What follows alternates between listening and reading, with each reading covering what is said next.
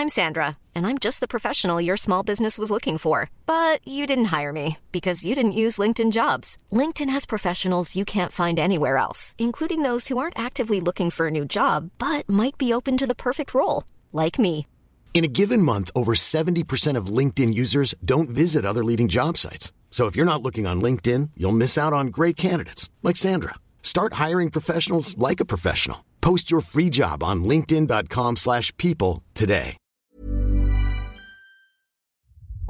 When people are happy with risk and embrace risk, then by definition, uh, prices go high.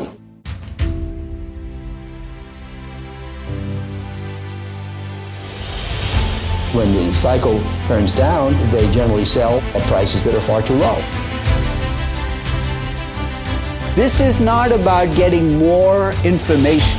We live in a world where we have too much data. I'm uh, happy to report another stable quarter.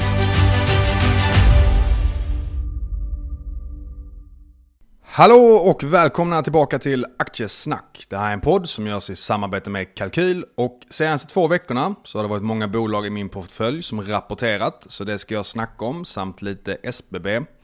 Sen har ju Peter gjort sin årliga vallfärdning till Omaha för att träffa Buffett och company. Och hur har du haft det där Peter? Superbra, och det är ju det jag ska prata om idag. Alltså, casen ligger på Magnus sida och upplevelsen i Omaha ligger på mig helt enkelt. Och vi fick ju faktiskt typ träffa Buffett som du sa, vilket var jäkligt coolt. Vi ja, jag typ, såg det på Peters Instagram, det var så jag blev starstruck av att se hur nära det var. vi var väl en och en halv meter ifrån ungefär. Sen så blev jag lite handlingsförlamad och tog ingen selfie faktiskt, vilket var jäkligt dumt i, in hindsight. Men du har ju bildbevis på hur nära det var i alla fall, det är det viktiga. Jag vet, men vem som helst kan ju ha tagit bilden. Det är i och för sig väldigt sant. Vi, vi sprang ju sen runt hörnet och träffade på Market Makers-killarna och Olle 89 och hans kompis Demi. Och Olle 89 blev verkligen helt förkrossad när vi berättade om det här då och då sa ju Fabian faktiskt direkt också att vem som helst kan ju ha tagit den här bilden så jag kommer posta den här nu. ja, det låter bra det. Låter som Fabian också va? det gör det definitivt. Och innan Magnus sätter igång och pratar lite spaningar så vill vi tacka Börsdata som är och sponsrar det här avsnittet. Och Börsdata, det är en tjänst som är väldigt aktuell för alla som tittar på investeringar. Jag använder Börsdata jättemycket, nästan varje dag. Och det är väldigt heltäckande när det kommer till finansiella nyckeltal och även kunna se finansiell utveckling på jättemånga bolag historiskt och så vidare. Har du någonting mer att tillägga om use cases för Börsdata, Magnus? Nej, men jag tycker det är rätt eh, överlägset ärligt talat. Jag har använt det i flera år, tycker det är det mest prisvärda som finns. Det, det kostar ju inte så mycket mer än typ så ett, ett DI och det är ju extremt mycket bättre. Du kan kolla upp i princip vilka bolag som helst, väldigt snabb överblick med historik, läsa rapporter, där göra allting egentligen. Så det, det är verkligen superbra tjänst. Det är superbra och nu måste jag också säga bara att helt överlägset är det inte för nu finns ju också quarter. det är sant. Men hur som helst, Börsdata är grymt och eh, vi säger stort tack till Börsdata. Tack så mycket. Men jag tänkte med spaningarna så måste man väl ändå börja prata SBB. Det har ju trots allt varit lite historiska dagar som utspelat sig nu när Peter varit borta. Det är, det är väl lite Fingerprint 2016 över det. Och jag kollade faktiskt på omsättningen av aktier i Europa och SBB låg ju topp 5 tre dagar på raken. Trots att man är ungefär en hundradel så stort som många andra bolag är i Europa. Så det är rätt sjukt och eh, det har ju blivit en riktig soppa. Och och eh, en stor del av den soppan kommer från den här nedgraderingen av kreditbetyget som SBB har fått. Det är ju att man helt enkelt har fått skräpstatus av Standard Poor som är då ratinginstitutet bakom. Och jag tycker att hur det gick till sätter lite fingret på vad som är lite snett i SBB. För att man fick reda på det här den 2 maj, det vet vi för att man mejlade Finansinspektionen och meddelade detta. Men man pressmeddelar inte om det, vilket man enligt lagen ska göra när man har kurspåverkande information. Och när det väl då kom ut från annat håll att det hade skett, då har ju aktien åkt ner över 50% på ungefär en vecka. Så att det var ju definitivt kurspåverkande. Och sen så det som var ännu mer pinsamt, det var att den då 2 maj, samma dag som man fick reda på det här, så köpte Head of eh, Operations på SBB, eller sålde Head of Operations på SBB aktier. Och det är klart, det kan ju vara ett sammanträffande att det sker samma dag. Men, Tro, head, troligtvis inte. men Head of Operations borde ju definitivt fått reda på det här direkt när det hände. Så att min aning är väl kanske att Han har haft en aning om att det ska ske. Han har förmodligen inte haft det liksom på pränt och hade nog inte gjort det, så dum är han inte. Men att det här liksom är att management gör tvivelaktiga saker, svarvar på sanningen. Det är de här klassiska med hur Ilja har sagt att vi kommer höja utdelningen i 100 år, vilket han med 100% säkerhet inte kan ha en aning om, för han kommer inte ens leva 100 år till. Så det är ett sjukt konstigt uttalande överhuvudtaget. det har ju gjort att SBB har ju blivit någonting som är ett av de absolut mest ägda aktierna i Sverige. Det finns ju över 300 000 ägare och det är ju rätt sorgligt egentligen. Är inte det ägare bara på Avanza? Eh, det är över totalt? 200 000 bara på Okej, Avanza. mm. Och så, jag tror det är ungefär 350 000 totalt. Och och det, det är lite kul att du just har det här som spaning, för jag kommer ju prata om Berkshire Hathaway senare och Warren Buffett och Charlie Munger. Och det är lite motsatsen till just det här, alltså då kommer jag prata mycket om hög integritet och att man har blivit ett starkt varumärke och att de driver deras business för aktieägarna. Och det har ju knappast SBB gjort i det här fallet. Nej, verkligen inte. Alltså jag tycker det ger en lite blandade känslor kring det hela egentligen. För att å ena sidan tycker jag att så som Ilja har betett sig med vilseledande information och säger saker som han vet han inte kommer kunna hålla och så vidare. Det är ju lite nice att han åker dit det på ett sätt. Men sen samtidigt så har vi 300 000 människor som de allra flesta är ju småsparare av dem. Och jag vet att Avanza gick ut med information om att 3000 avansianer hade SBB som enda innehav. Så de har förmodligen i princip förlorat allting. Och när man då kollar på aktien så, alltså på pappret så såg det ju ganska bra ut egentligen. Det var ju liksom, om du inte är jätteinsatt i fastighetsaktier och inte kan supermycket, då var det liksom trygga skolor och liknande. Man har lågt P tal man höjer utdelning, man har en karismatisk vd som säger de rätta grejerna, säljer säljande saker. Det är liksom, det är inte så att du köpte en NFT-apa och sen så gick det åt helvete och man förtjänade, utan det har ju verkligen varit så att man har ju kunnat ha en anledning till att köpa det och att det då gått åt helvete. Det är ju ofta inte småspararens fel utan man har helt enkelt åkt på någonting. Jag kan dock tänka mig att många har haft den här Lynch-investeringstesen som han brukar nämna, att många köper aktier för att aktien går upp. Nej, det är ju sant. Och det, så är det ju. Men jag tycker ändå man får tänka på det att man kan inte kräva allt för mycket av många småsparare. Och det har liksom sådana här finansinfluencers på Instagram och liknande snackar gott om det. Man har en karismatisk vd. Det är ju väldigt lätt att åka på det här. Verkligen. Och sen så, det är ju väldigt stor skillnad på dem och de här som liksom har hotat journalister på DI och liknande. De är ju idioter såklart. Men den här vanliga småspararen som har förlorat i det. Liksom folk som klankar ner på dem nu, det tycker jag verkligen inte man ska göra. Om det är någon som ska beskyllas för någonting här så är det ju management som har agerat väldigt konstigt helt enkelt. Yes, jag ska eh, vara lite mer försiktig. Jag, jag menade inte att vara för oseriös där faktiskt. Nej, nej, men det, Point taken Magnus. det tror jag vi vet om. Ja. Eh, Men jag tänker, eh, man kan ju alltid försöka dra läxor från grejer. Det är lite vad vi gör i podden. Och jag tycker det här är ändå ett fall, lite som Peter sa innan, att alla köpte bara när det gick upp. Så finns det också en liten omvänd psykologi, eller en paradox där kanske man ska säga. Att när aktier verkligen krackelerar fundamentalt, då strömmar det ju till nya aktieägare. Det kan man ju se i SAS, när den aktien gick totalt åt helvete och bolaget gick åt helvete. Det var samma sak i Norwegian, det bolaget började gå åt helvete.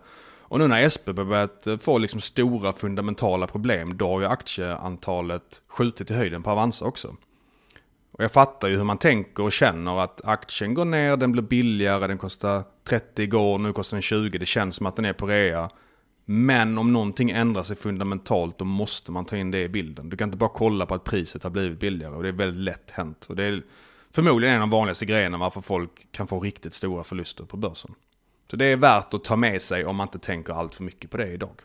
Sen en liten annan spaning som jag faktiskt haft på lager i några veckor men det har blivit så långa avsnitt så jag har skjutit upp det.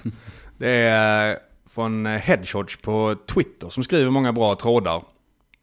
Han la ut vilka bolag som har förvärvat mest de senaste fem åren i Sverige. Alltså vilka som lagt mest på M&A.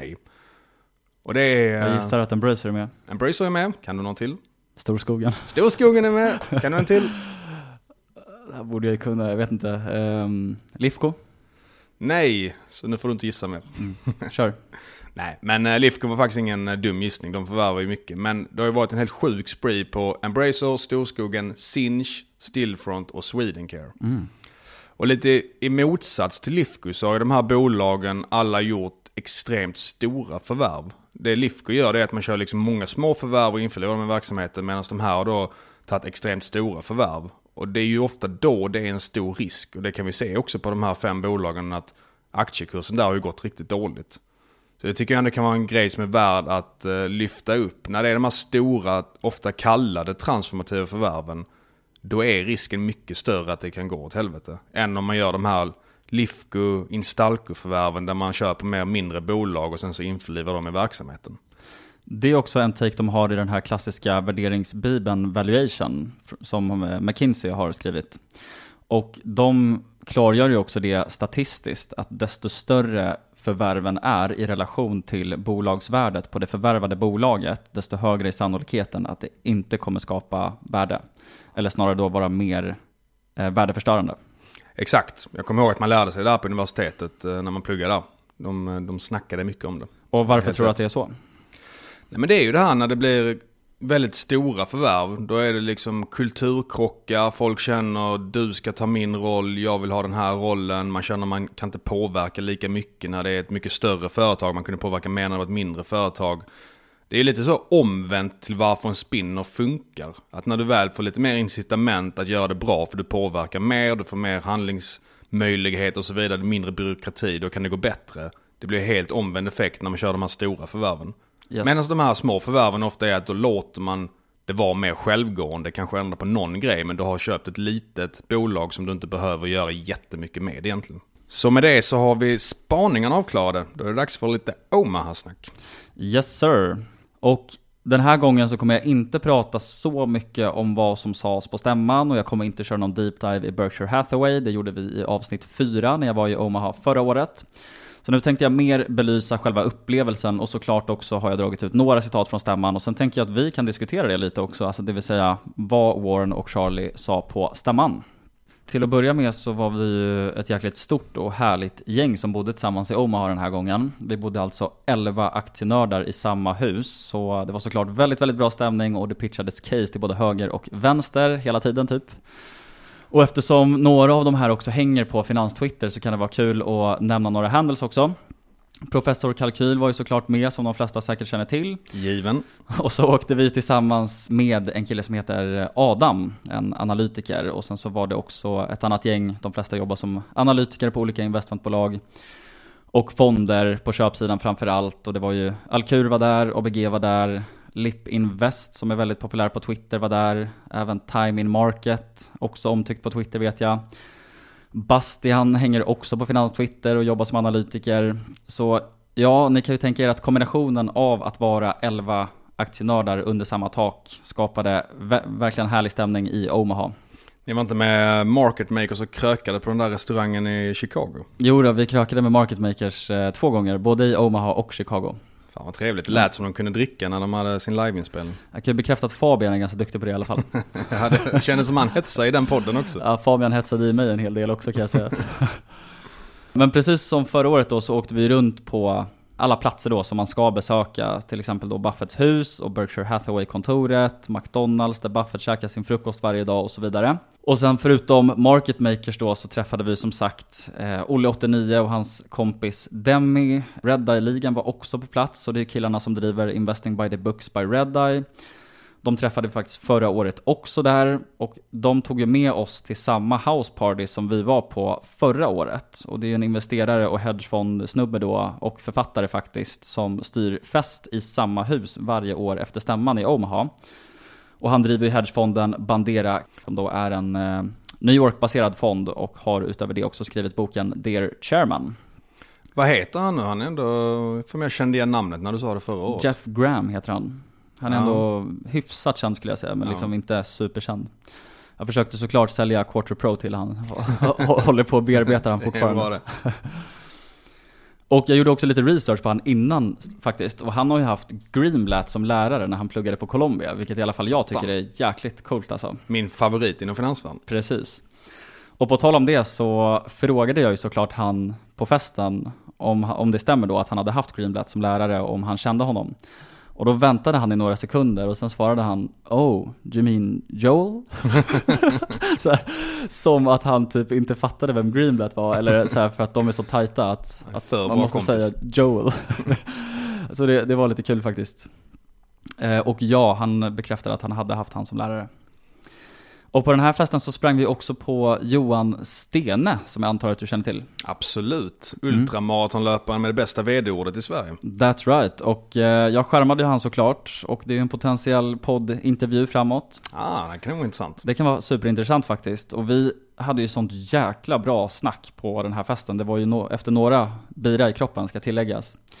Men det, det slutade typ med att jag och Oliver förhörde han i typ så här en och en halv timme om allt som rör business. Alltså om kultur, förvärvsstrategi, kapitalallokering, historia, incitament och så vidare och så vidare. Blev du såld på Technion? Ja, jag, jag tyckte han var extremt imponerande. Och, och liksom verkligen svarade rationellt på alla frågor vi ställde. Jag är ju en gammal Technion som man kallar Technions ägare. Ägde den aktien typ ett år, 2020-2021. Varför sålde du? Sen blev värderingen lite för hög för mig. Ja. Och sen har den gått upp ungefär 70% sen dess. Aj, aj, aj. Så, så kan det gå. Ja, men det var ju svårt att veta att han skulle skriva så bra vd-ord och att aktien skulle gå på Ja, det. det är fan sant. Ja, men jag måste verkligen ge en shoutout till Johan, för eh, jag blev verkligen otroligt imponerad av honom. Jag har inte haft så bra koll på han innan, nästan pinsamt lite koll faktiskt. Och jag hoppas verkligen att han tyckte att det var väldigt trevligt också, så att inte han gick därifrån och kände att fan vad otrevliga de var som, som bara liksom matade på med hur mycket frågor som helst. Han känns ju som han gillar att snacka i alla fall. Så att, Uh... Ja, men det gör han definitivt. Hur som helst då, vi var ju också en sväng på Hilton efter stämman och det är ju där alla high rollers håller till, som till exempel då Tim Cook, VD på Apple och Bill Gates, Monish Pabrai. Och jag skulle kunna rabbla jättemånga. Eh, Dennis Hong, Acquired-grabbarna, Sahil Blom och sen så Fred Liu som jag faktiskt eh, fick ta en selfie med. Vi sprang ju på han på Hilton-baren. Det är en personlig favorit för dig, är det inte det också? Ja, alltså hans case har ju inte gått så jäkla bra. Han är ju fortfarande typ i paritet med index tror jag, om man kollar eh, liksom på fem år eller någonting sånt där.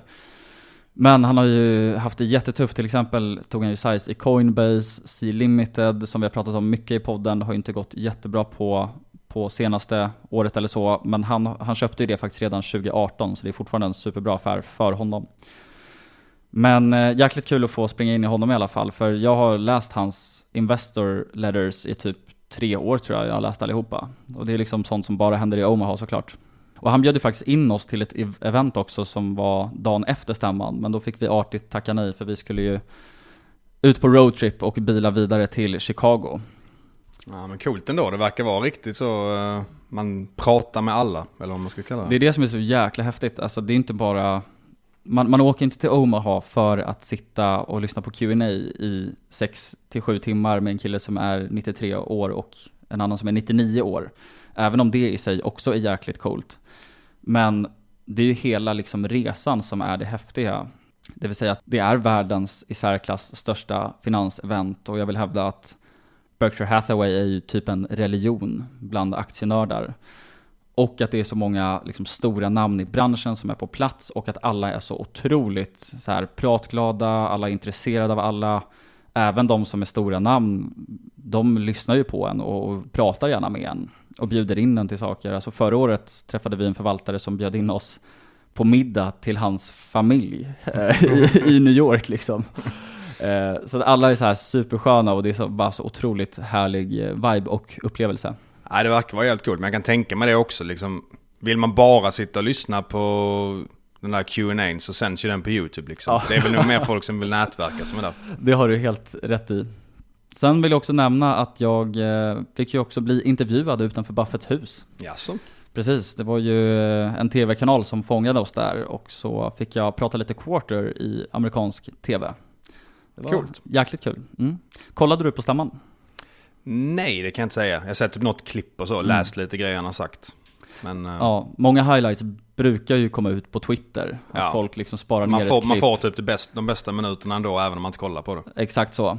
Men vi kan ju gå in lite på vad som sades på, på stämman. Och sen så för de som inte känner till det så kan jag också dra det kort att det är ju 40 till 50 000 investerare som åker till Omaha från hela världen för att just liksom nätverka och för att se Warren och Charlie live såklart.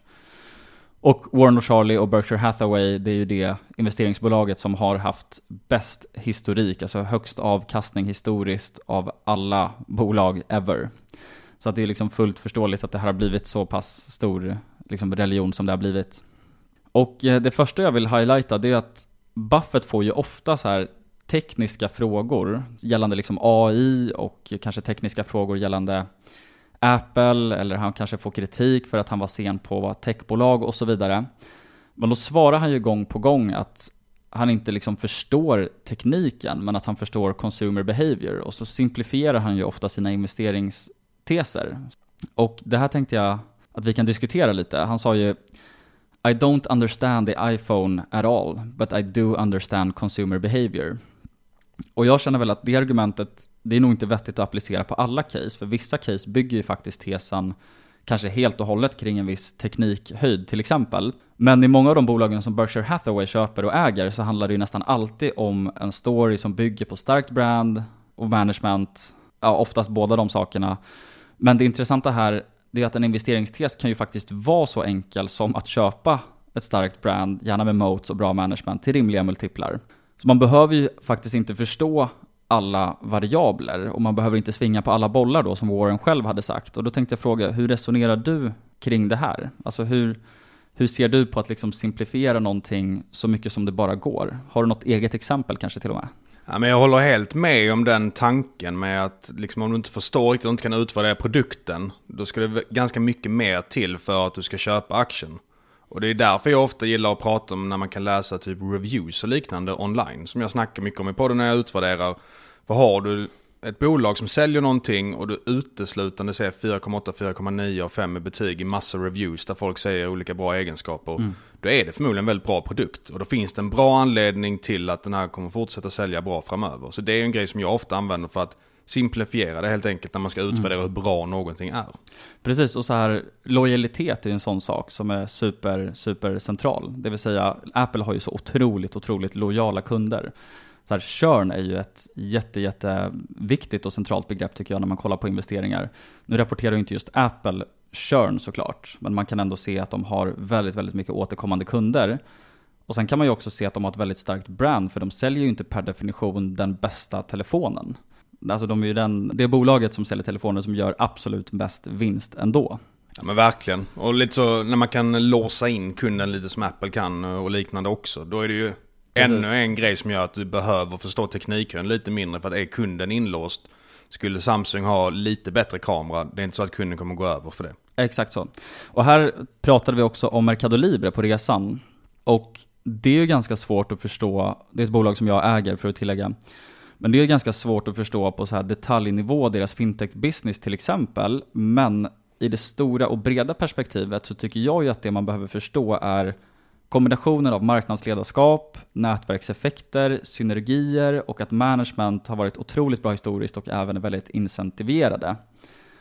Och där har du egentligen essensen av det caset. För nu ska jag inte ge någon kritik till honom, men Oliver är ofta på mig om att så här han tycker liksom att fintech-businessen är så svår att greppa, den börjar bli ett, en väldigt stor del av bolaget i sin helhet.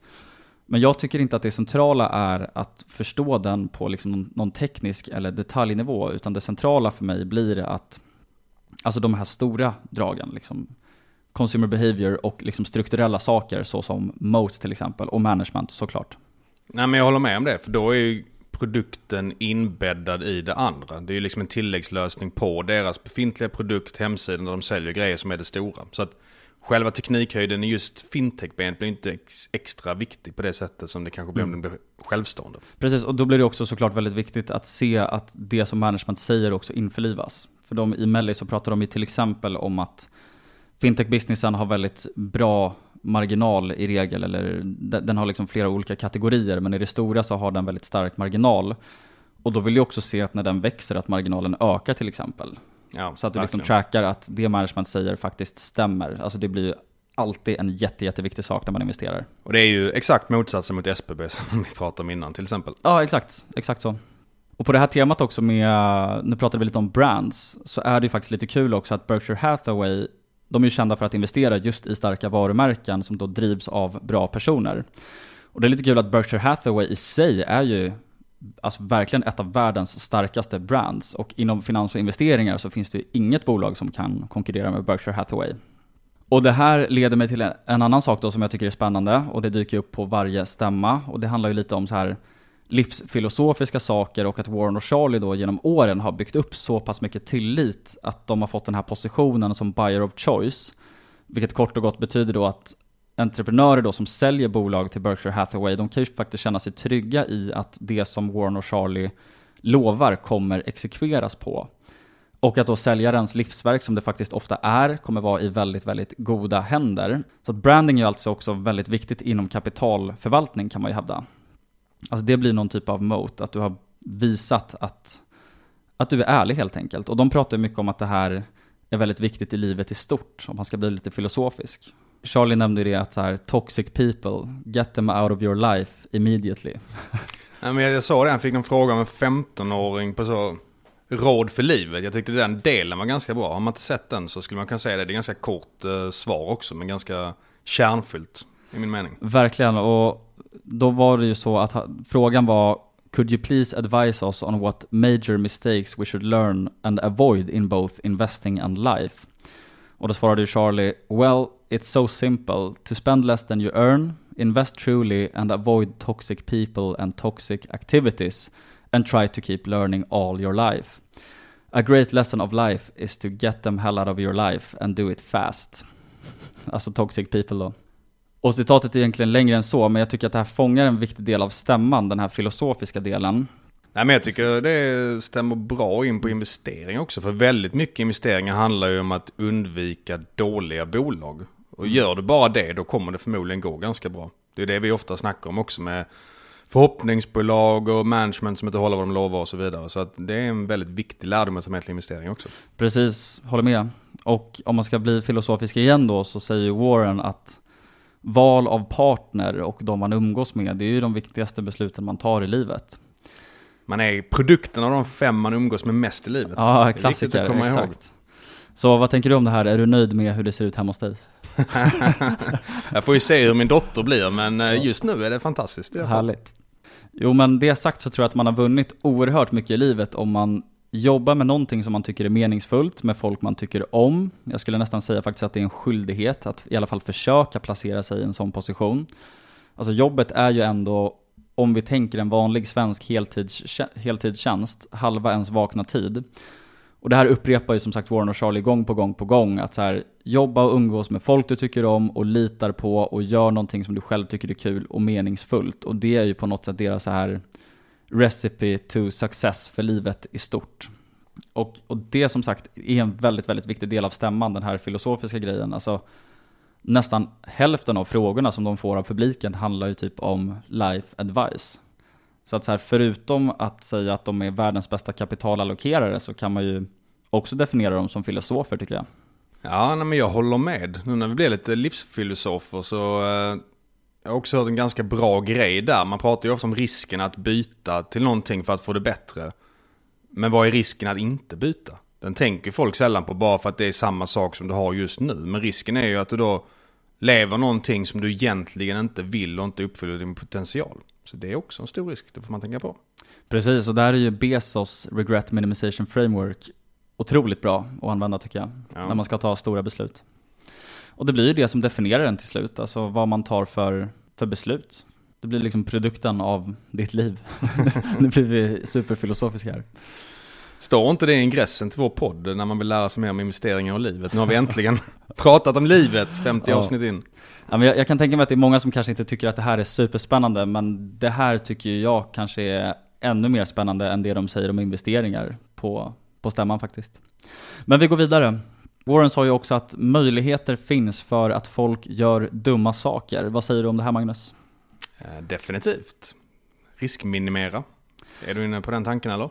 Ja, precis. Och Charlie sa ju att det kommer bli svårare för investerare att generera mycket alfa framöver för att det är så fantligt många smarta investerare som jagar avkastning samtidigt nu.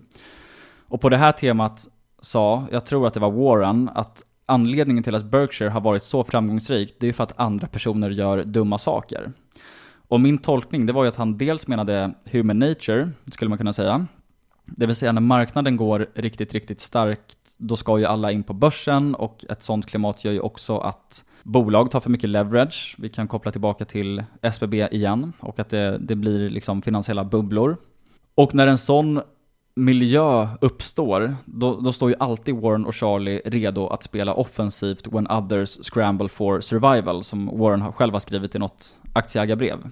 Och jag tänkte lite på det här att jag vet inte riktigt om jag håller med om att det kommer bli svårare, för vi har ju samtidigt mer lättillgänglig information, vi har snabbare information och så vidare.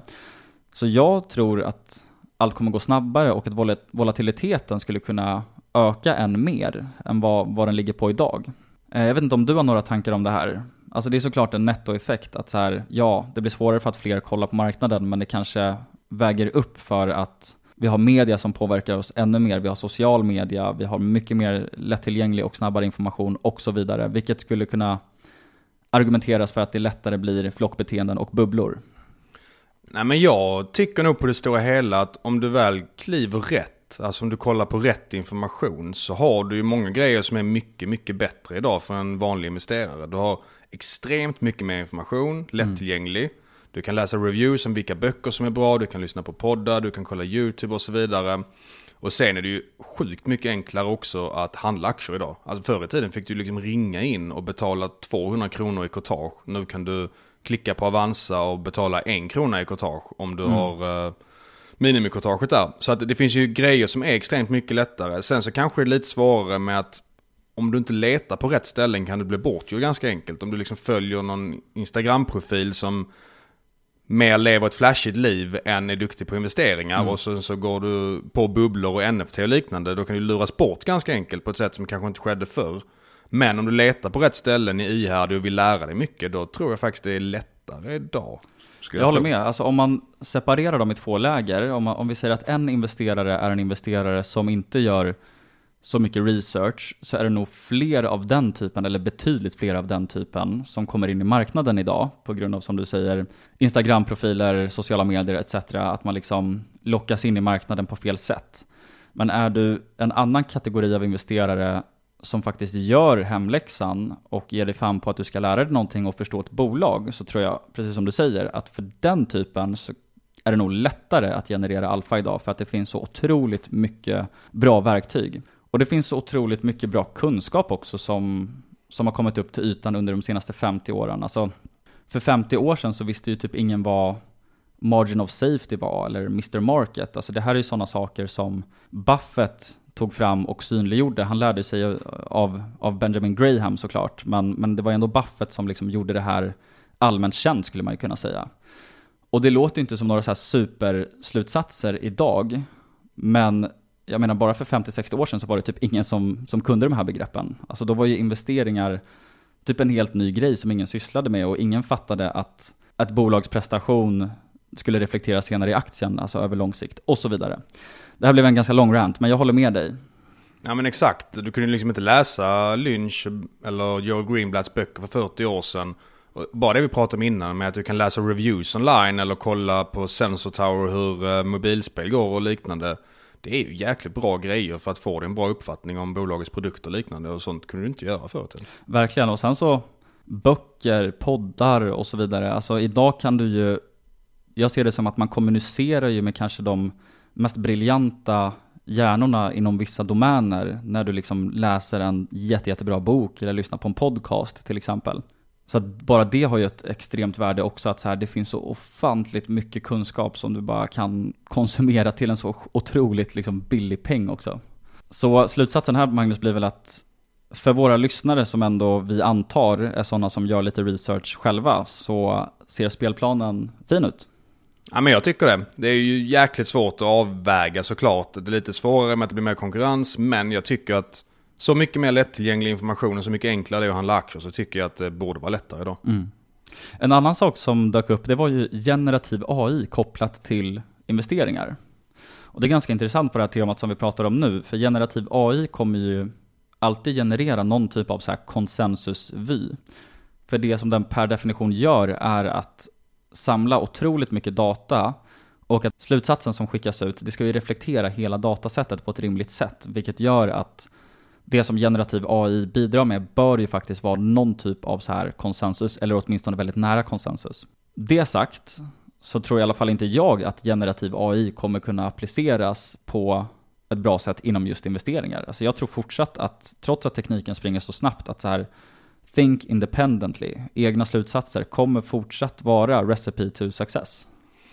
Men jag, tror jag håller med om det. Jag tror att om det är så att du har någon grej som du kan hitta med generativ AI, då blir det nog att den edgen kan försvinna. Lite som man har sett mm.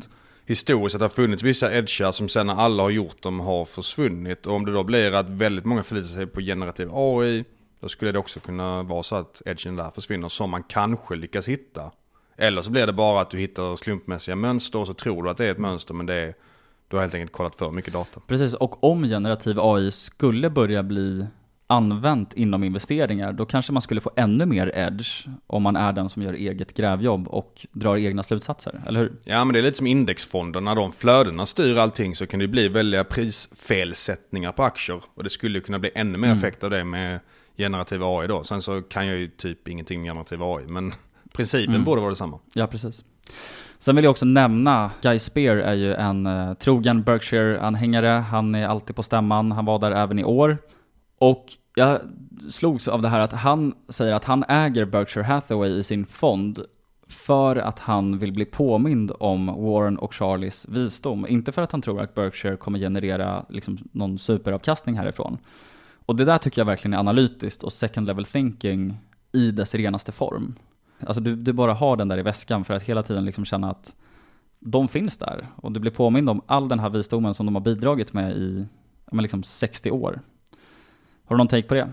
Nej men absolut, och jag skulle faktiskt kunna rekommendera också om ett poddavsnitt där. Uh, Richard Wise och Happy, han som skrev den, är det William Green? Det stämmer, de han, är ju populära. Han intervjuade Guy Spear för ett tag sedan mm. i den här uh, The Investor Podcast. Yes. Det avsnittet tycker jag är värt att lyssna på och där säger han ganska bra grejer också. Och på tal om eh, poddrekar så hörde jag faktiskt igår en annan intervju med Todd Combs. Och han jobbar ju som investment manager på Berkshire. Och den vill jag verkligen rekommendera alla att lyssna på. Den var verkligen grym.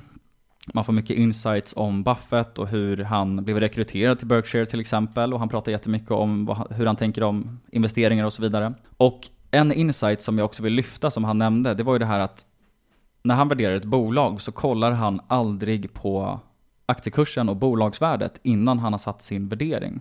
För att då undvika att bli anchored. För har du blivit anchored så kan du ju liksom inte radera det, utan du hamnar ju typ i en psykologisk fälla direkt. För då blir det så här att om, då vet du alltid liksom underliggande att men market cap var ju sådär, så att det här antagandet som jag har kanske är orimligt. Och det där tyckte jag faktiskt var sjukt spännande och väldigt analytiskt också. Alltså då kan du ju vara säkrare på när du väl själv får fram en värdering som kanske är 50% över nuvarande market cap så kan du vara ännu mer trygg i den tesen på något sätt för att du har inte blivit psykologiskt blindsided av din värdering och din process. Vad tänker du om det? Jag håller med, jag har hört den innan. Jag tycker den är väldigt klok. Sen så problemet är att för mig så vill inte jag kolla på bolag som har en superhög värdering. Så det blir att många av dem faller bort direkt på den grejen. Så därför mm. börjar jag alltid med att kolla det. Men hade jag haft oändligt med tid, då är ju det där sättet mycket bättre att göra mm. egentligen. Ja, jag tänker också samma att det blir en mer tidskrävande process för att om du då som sagt vill äga små bolag och du tycker att du kanske får mer edge i mindre bolag så kanske det blir jättecentralt att bara filtrera på det direkt till exempel. Sen så vill jag också hävda att när du väl kollar på siffrorna så ser du ju vad bolaget ungefär har för size. Alltså så här, om, du, om ett bolag omsätter 50 miljoner så kommer du nog inte stöta på en 4 miljarders värdering. Om du förstår ja, vad jag nej, menar. jag tänker inte på um, hur stort bolaget är. Jag tänker mer på ett, skulle vi ta till exempel ett uh, Nibe. Mm. Uh, som är ju ett väldigt fint bolag men jag skulle aldrig investera i det på nuvarande värdering. På grund av att det är för hög multipel. Säg att det är mm. ebit 50-60. Så mm. att då liksom jag direkt, då hade jag suttit och grävt i ett bolag som jag ändå aldrig skulle investera i. Ja, så det är ja, lite den delen. Då är jag med, då är jag med. Det vill säga att du, du kan direkt säga att multipeln är för hög oavsett bolagskvalitet ungefär. Ja, exakt. Ja, för, för den typen av bolag som Nibe är liksom. Ja, fattar, fattar. Ja, jag håller med. Det är bara en liksom, intressant reflektion. Sen tänkte jag bara avsluta här med vad tror du kommer hända när de här gubbarna är borta? Kommer kulturen leva kvar? Ja men det tror jag definitivt. Det är väl lite som deras mästare um, Graham. Den kulturen lever ju fortfarande kvar liksom. Så mm. att jag tror att han har ju också många han har ju många discipler och många padawans likt Peter. Så att det, liksom, det här kommer ju fortsätta föras vidare ner genom dem till andra under väldigt lång tid. Så det kommer åtminstone ta någon generation innan det där är borta. Jag är inte lika säker på det. Jag, jag har svårt att tro att så många åker över hela världen för att lyssna på typ Greg Abel och Ajit. Ja, du tänker på det sättet? Nej, men då, då håller jag med dig. Det kommer nog inte bli den här eh, mecka-grejen med att folk vallfärdar dit. Tyvärr, och, och jag tror också att det är en stor del av att det är så stort som det är nu, för att många förstår ju att det här är slutspurten. Ja. Och jag tror att alltså, den här typen av kultur, den kommer inte kunna replikeras. Vi kommer inte se någonting liknande i finansbranschen under vår livstid, tror jag inte. Nej, men det håller jag med om. Jag tänkte mer liksom att Buffett skulle fortsätta vara den största influensen i finansvärlden även 20 år efter han är borta. Mm, jo, okej. Okay. Ja, men det är jag med på. Men det var faktiskt lite kul på det temat, för jag tyckte att Buffett var ju piggare den här stämman än vad han var förra året. Sen var ju Manger lite tröttare än vad han var förra året, tycker jag. Och Manger fyller ju 100 år den första januari och jag misstänker att det blir hans sista stämma faktiskt nästa år. Men man ska, kanske dumt att dra slutsatser om det, men det är bara en känsla. Och om någon skulle gå bort så skulle ju det bli någon liksom helt galen så här memorial-grej. Och vi har faktiskt redan sagt att vi ska åka igen nästa år. För folk kommer ju tycka att man är helt galen. Åker och kollar på några gubbar i Omaha. Och då får du hänga på Magnus om du är sugen. Ja, men det hade varit jävligt kul att åka. Jag hade nog åkt med om det inte varit för en höggravid fru den här gången faktiskt. Helt förståeligt. Och sen så vill jag också bara säga att efter stämman så åkte vi till Chicago i fem dagar. Och då var det inte hela ligan på 11 pers, då var det jag, Oliver och en kille då som heter Adam. Och vi gjorde ju massa kul saker i Chicago, vi träffade bland annat Market Makers-grabbarna igen där, och Olle och Demi, och drack lite bira, och vi besökte Chicago Board of Trade, som faktiskt är världens äldsta optionsbörs. Men viktigast av allt då så lynchade vi en hel del. Och vi besökte ju massa lyxbutiker, bland annat då på Oak Street för att ta tempen lite och även då för att snacka med anställda för att få lite insikter. Och då var vi på Louis Vuitton, Gucci, Moncler, Dior och så vidare. Men det som stack ut extra här, och det är faktiskt ett bolag som jag har köpt aktier i, det är alltså Brunello Cucinelli. Och jag vill ju också tillägga att det är inte bara på grund av den här lynchningen då, eller skattelbatt-researchen som vi gjorde i Chicago som ligger till grund för det här köpbeslutet. Det är ju mer analys bakom såklart. Jag kommer inte dra caset idag för att det blir lite för långt avsnitt, för Magnus sitter här och vill köra massa case, ser jag på han. Så jag tänkte att jag ska deepdiva lite i Brunello Cucinelli i nästa avsnitt helt enkelt. Och vi hade verkligen en helt otrolig upplevelse, alltså vi blev bjudna på whisky, vi fick en, den här boken som kostar 5000 att köpa som inte trycks längre, alltså de tog ju hand om oss som att vi var deras barn typ. Och hela storyn kring Brunello Cucinelli är liksom helt fantastisk. Det är ett ganska litet luxurybolag. Jag tror att brand value är egentligen mycket högre än vad marknadsvärdet reflekterar just nu på bolaget.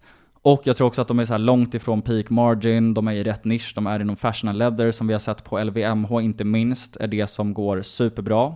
De är fortfarande ganska små i, i både USA och Kina och så vidare och växer supersnabbt där, så att jag tror att topline skulle också kunna flyga lite snabbare framåt. Och de anställda på de andra lyxbolagen, de sa ju också att Brunello Cucinelli is going to explode. Så man blir ju hyfsat bullish på allt det här blir folk taggade på nästa vecka. Det var en jävligt intressant story faktiskt som Peter berättade innan den här podden, så ni får lyssna nästa yes. vecka. Och vi ska faktiskt kanske åka ner till den byn som han bor i, eh, kan jag avslöja också, jag och Oliver. Vallfärds-Peter. Ja, det är en liten by i Italien. På, på det är 500 personer som bor där. Där sköter de, där har de HQ, sköter produktion. Hälften av de som bor i byn jobbar på Brunello Cucinelli och han har gjort det till ett paradis. Med liksom, han har byggt en teater, ett bibliotek, fina fontäner och så vidare. Så att det vore verkligen coolt att åka dit. Men eh, inte i närtid, det sker nog till hösten i så fall. Nu ska jag låta dig köra Magnus. Yes, men då går vi tillbaka till lite rapporter som har kommit. Jag har ju haft några bolag som rapporterat för min del. Vi kan börja med Awardit som är hade en relativt odramatisk rapport, så jag ska inte lägga supermycket tid på den. Men stabil rapport, man fortsätter på inslagna positiva vägen eh, som jag tycker man har haft de senaste fyra kvartalen. Och sen ska man komma ihåg att det här är ju Wardits säsongsmässigt sämsta kvartal. Så att i absoluta tal så är resultatet ganska litet, man hade ganska lätt jämförelsetal. 5,7 miljoner i justerad ebitda, ebita förra året. Nu hade man 11,5. Men det var ganska väntade siffror tycker jag. Eh, man hade justeringar för engångskostnader då som sagt för att komma upp i det här 11,5. Men det, gjorde, det har man ju för att man gjorde förvärvet av Connex. Så att det är en grej som kvalitetsaktiepodden drar upp ibland. Ska man verkligen räkna det som en engångskostnad när de löpande gör förvärv? Och det är ju frågan. Men däremot när man jämför med hur den underliggande lönsamheten gick förra året, då måste man ju göra det. Så att den underliggande lönsamheten var god. Och sen så tar jag också påminner igen om någonting som jag sagt flera gånger i den här podden när jag pratat om Wardet. Det är att man ska inte kolla PE på det här bolaget. Man gör stora förvärvsrelaterade avskrivningar och därför så är det Ebita som är det bästa att kolla på. Jag brukar kolla på ungefär ebit plus 10% av avskrivningarna. För det tycker jag ger en rättvisande bild av hur den underliggande lönsamheten är i bolaget. Och då får jag det till att man är på ebita 10 för i år. Jag tycker att man borde handlas till minst 15 så därför förblir Awardet ett av mina största innehav och jag tror att fortsätter de leverera de här stabila rapporterna så kommer man förhoppningsvis komma dit en vacker dag. Awardet har ju länge varit ett case som många hävdar att multipeln är för låg. Att det är, det är det som är mycket fokus i caset känns det som, att det handlas liksom för lågt. Varför tror du att det är så? Att det inte handlas Men, upp? Det är ganska svårförstått bolag ändå. Och sen så också där jag pratade med PE tidigare. Kollar man på PE är det ju svindyrt. Så att det tror jag kan avskräcka en del. Mm. Man måste gräva lite djupare och se det här med avskrivningarna och så vidare. Så ja. jag tror att det är en ganska stor del. Förvärvsbolag har inte varit jättepopulära senaste året. Mm. Så att det är min tro i alla fall. Men man blir ju större och större. Och då borde man få fler ögon på sig också. Ja, bra svar. Sen har vi eh, Sannex som inte har rapporterat, men ändå några grejer som är värda att säga där. Eh, det är det här polska solenergibolaget som vi pratade om förra, förra avsnittet senast. Jag har kollat fyra stora konkurrenter som har rapporterat och deras outlook för solenergimarknaden i Europa 2023. Och den ser väldigt positiv ut. Så det är bra. Det har varit en lite oro att det skulle vara en tillfällig boom 2022 när det var höga energipriser. Men det ser i alla fall ut när man kollar på vad konkurrenterna säger som att 2023 kommer bli starkt också. Sen däremot så kommer man en grej som jag inte gillar riktigt. Det var att man på senaste stämman beslutade att vd ska kunna få en bonus på 15% av bruttoresultatet. Från att ha varit 10% av nettoresultatet. 15% av bruttoresultatet det är ju helt vansinnigt mycket. Sen ska jag tillägga dock att jag har ju kollat på har man då gett honom 10% av nettoresultatet tidigare, och då har man absolut inte. Man har, man har gett en fjärdedel och det är ungefär som max. Så att mm. jag fattar inte riktigt grejen. Okej, men då är det ju någon typ av, i avtalet så har de ju bestämt att han måste nå olika nivåer för att få olika hög bonus förmodligen. Förmodligen, men fortfarande bara grejen att de har en sån hög bonus och jag mejlade bolaget och frågade och de svarar inte. Det, det, liksom, det är ju förmodligen en skitsak. Men jag gillade det inte. Jag hade ju det här som näst största innehav eh, innan detta. Nu har jag sålt lite, har det som femte största innehav. Jag tycker inte det är värt att sälja allt mitt innehav på grund av detta. Men sajsa ner lite gjorde jag i alla fall. Ja, jag gillar inte heller det för han blir incentiverad på helt fel sak skulle jag säga. Alltså han skulle ju kunna bränna på med hur mycket OPEC som helst. och liksom bara tokmaxa bruttoresultatet för sin egen vinning. Ja, faktiskt. Och det, där, det, där, är, det där är inte bra. Det där ty tycker jag tyder på sjukt dåligt management faktiskt. Ja. Hårda ord från Peter. Men, eh, nej, men det, jag tycker det ser lite konstigt ut. Problemet är ju lite här att det är liksom polskt bolag så det är svårt att få grepp om det. Jag har liksom inte kunnat läsa riktigt kommentarer om varför det är så här eller liknande. Har de en Investor Relations-avdelning? Nej, den är jävligt dålig. Den, eh, man, allting är ju på polska i princip. Okej, för i så fall hade det varit väldigt märkligt att de inte svarar på ditt mail också. Ja, det kanske är en tidsaspekt dock. Det var förra veckan jag mejlade, så att... Uh... Vi du, får se. Du har mejlat CFO då antar jag? Nej, jag minns faktiskt inte helt. Okay. Ja, ja, men eh, spännande. Fortsättning följer. Det gör det. Eh, sen har vi Raketech också som har rapporterat. Eh, hyfsat bra rapport. Det är det här affiliate-bolaget inom online betting och aktien steg några procent på rapporten. Man växte organiskt med 24%, eh, ebita och ebit med ungefär 20%. Och kollar man på de olika delarna så USA-delen är ganska slagig, det har vi pratat om tidigare avsnitt. Den minskade 30%, det var väl den negativa delen i rapporten. Men sen så växte deras cloud-lösning som är lite mer regelbundna intäkter bra och man växte även i Norden och Latinamerika. Och sen så har Q2 inlett starkt. Så det är liksom de bra grejerna, men Raketech är ju lite av ett högriskbolag, precis som Betsson är. Jag tycker de är ganska lika egentligen. I Betssons fall så är det Turkiet som är en väldigt stor del av intäkterna. Och det är ganska svårförstått var intäkterna kommer ifrån. Det är också ganska svårt att förstå med Raketech var intäkterna kommer ifrån. Men det är Kasumba i Japan där, som är den här Turkiet-delen om man ska kalla den.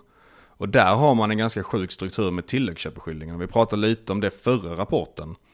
Och nu har de här, de är ju okappade de här tilläggsköpeskillingarna. Och nu har de ökat till 37,7 miljoner euro. Och hela bolaget är värderat till 80 miljoner euro. Åh jäklar. Det, är, det är ganska brutala tilläggsköpeskillingar. Mm. Sen kommer det här bara gälla fram till juni 2024. Och bolaget är värderat till 3,7 gånger ebitda. Så att man kan ju fortfarande se bolaget som billigt. De växer organiskt, de är konjunkturokänsliga, vilket de visar nu igen. Och det här är ju en kappad grej. Sen så också, jag har liksom försökt gräva lite i den här tilläggsköpeskillingen, tänka mycket kring den. Den sattes ju när nuvarande vd inte var vd. Och jag tror att man kommer ju aldrig göra om en sån här tilläggsköpeskilling. Så även om det är ett ganska stort minus för cashflow kommande åren och för liksom att bolaget gjorde en sån deal överhuvudtaget. Ja, och, jag skulle säga framförallt för att man tvivlar ju på managements kompetens typ. Ja, men sen så är det ju ny, ny vd nu liksom. Ja, som, jo, men exakt. som jag tycker är väldigt kompetent. Ja, och det, det, där tycker jag är en jättebra poäng. Att du faktiskt har grävt upp det. Alltså det gör saken helt annorlunda tycker jag. Ja. Men eh, i alla fall, jag tycker det här ändå sätter ett ganska bra finger på min tanke om RakeTech och det är att jag har runt 5% av innehavet i bolaget. Jag tycker inte man ska ha så mycket mer på grund av att det är ganska svåranalyserat och svårförstått. Så att jag har faktiskt haft det som, jag kollade i förrgår och det är det innehavet jag har haft längst i min portfölj. Det är över två Oj. år nu. Så att det är riktigt gammal stofil från Magnusbolag. Men jag behåller runt 5% och tycker fortfarande, trots då den här Japan-grejen, att bolaget är lite väl lågt värderat idag. Och sen har vi sista rapporten och det var Oddfjell Technology som var en riktig snackis på Twitter på sistone.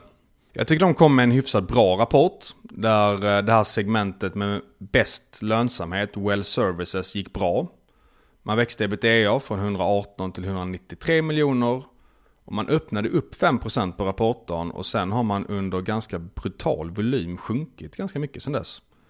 Och jag har inget jättebra svar på varför man gjort det egentligen. Eh, nettoresultatet var ganska dåligt men det var sådana här klassiska grejer som att man liksom gjorde en förändring av värderingen i skulden i valuta och typ att det var olika skattesats i kvartalet och sånt. Vad, vad tror du där Peter? Ser inte marknaden igenom det?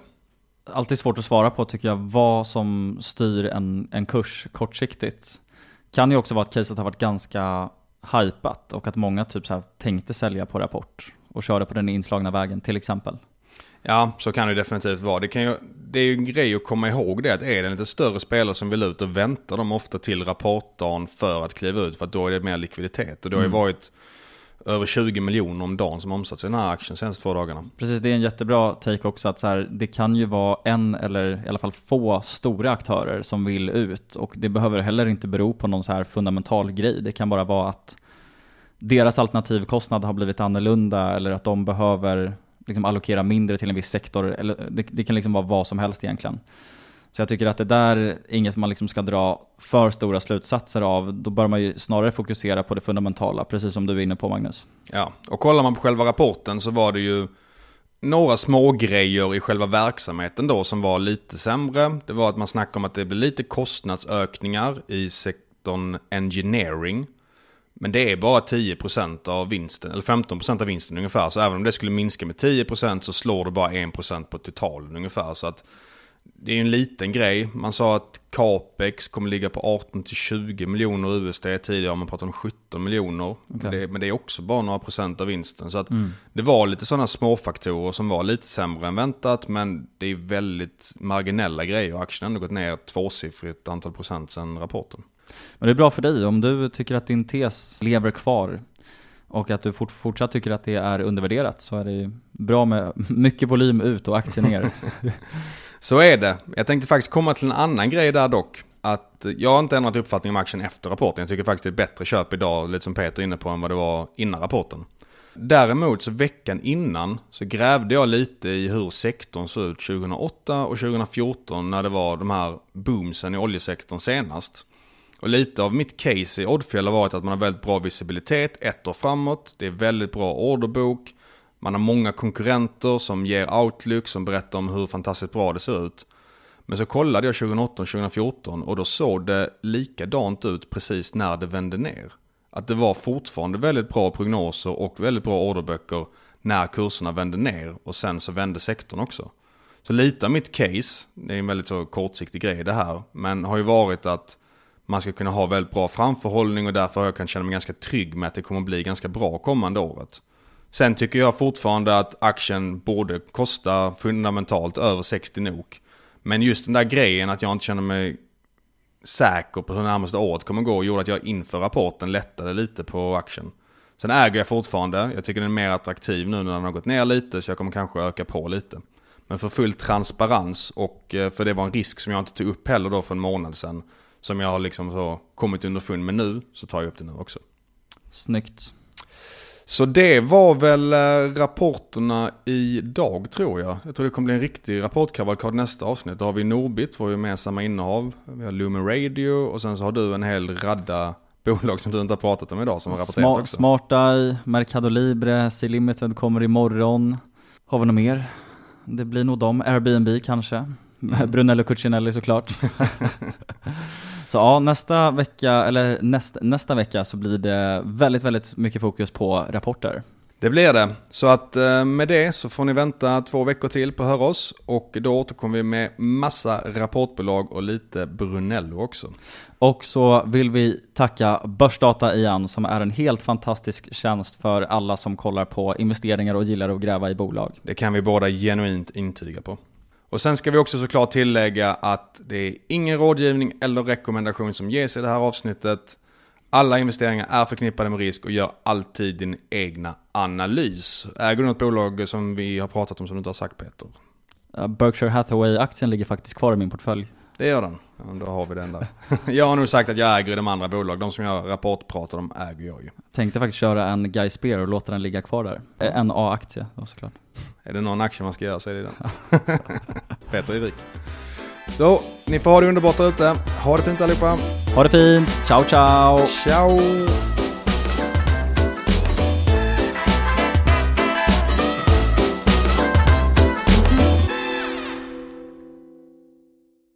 And some of that shareholder energy created the Swede startup called Quarter. Peter and his friends are back in Omaha for a second meeting. and we are growing in the US as well. So this is our biggest market. So we hope to sign some deals here in Omaha to co- convert some some of the other nerds. Nerds or shareholders from across the world are descending on Omaha.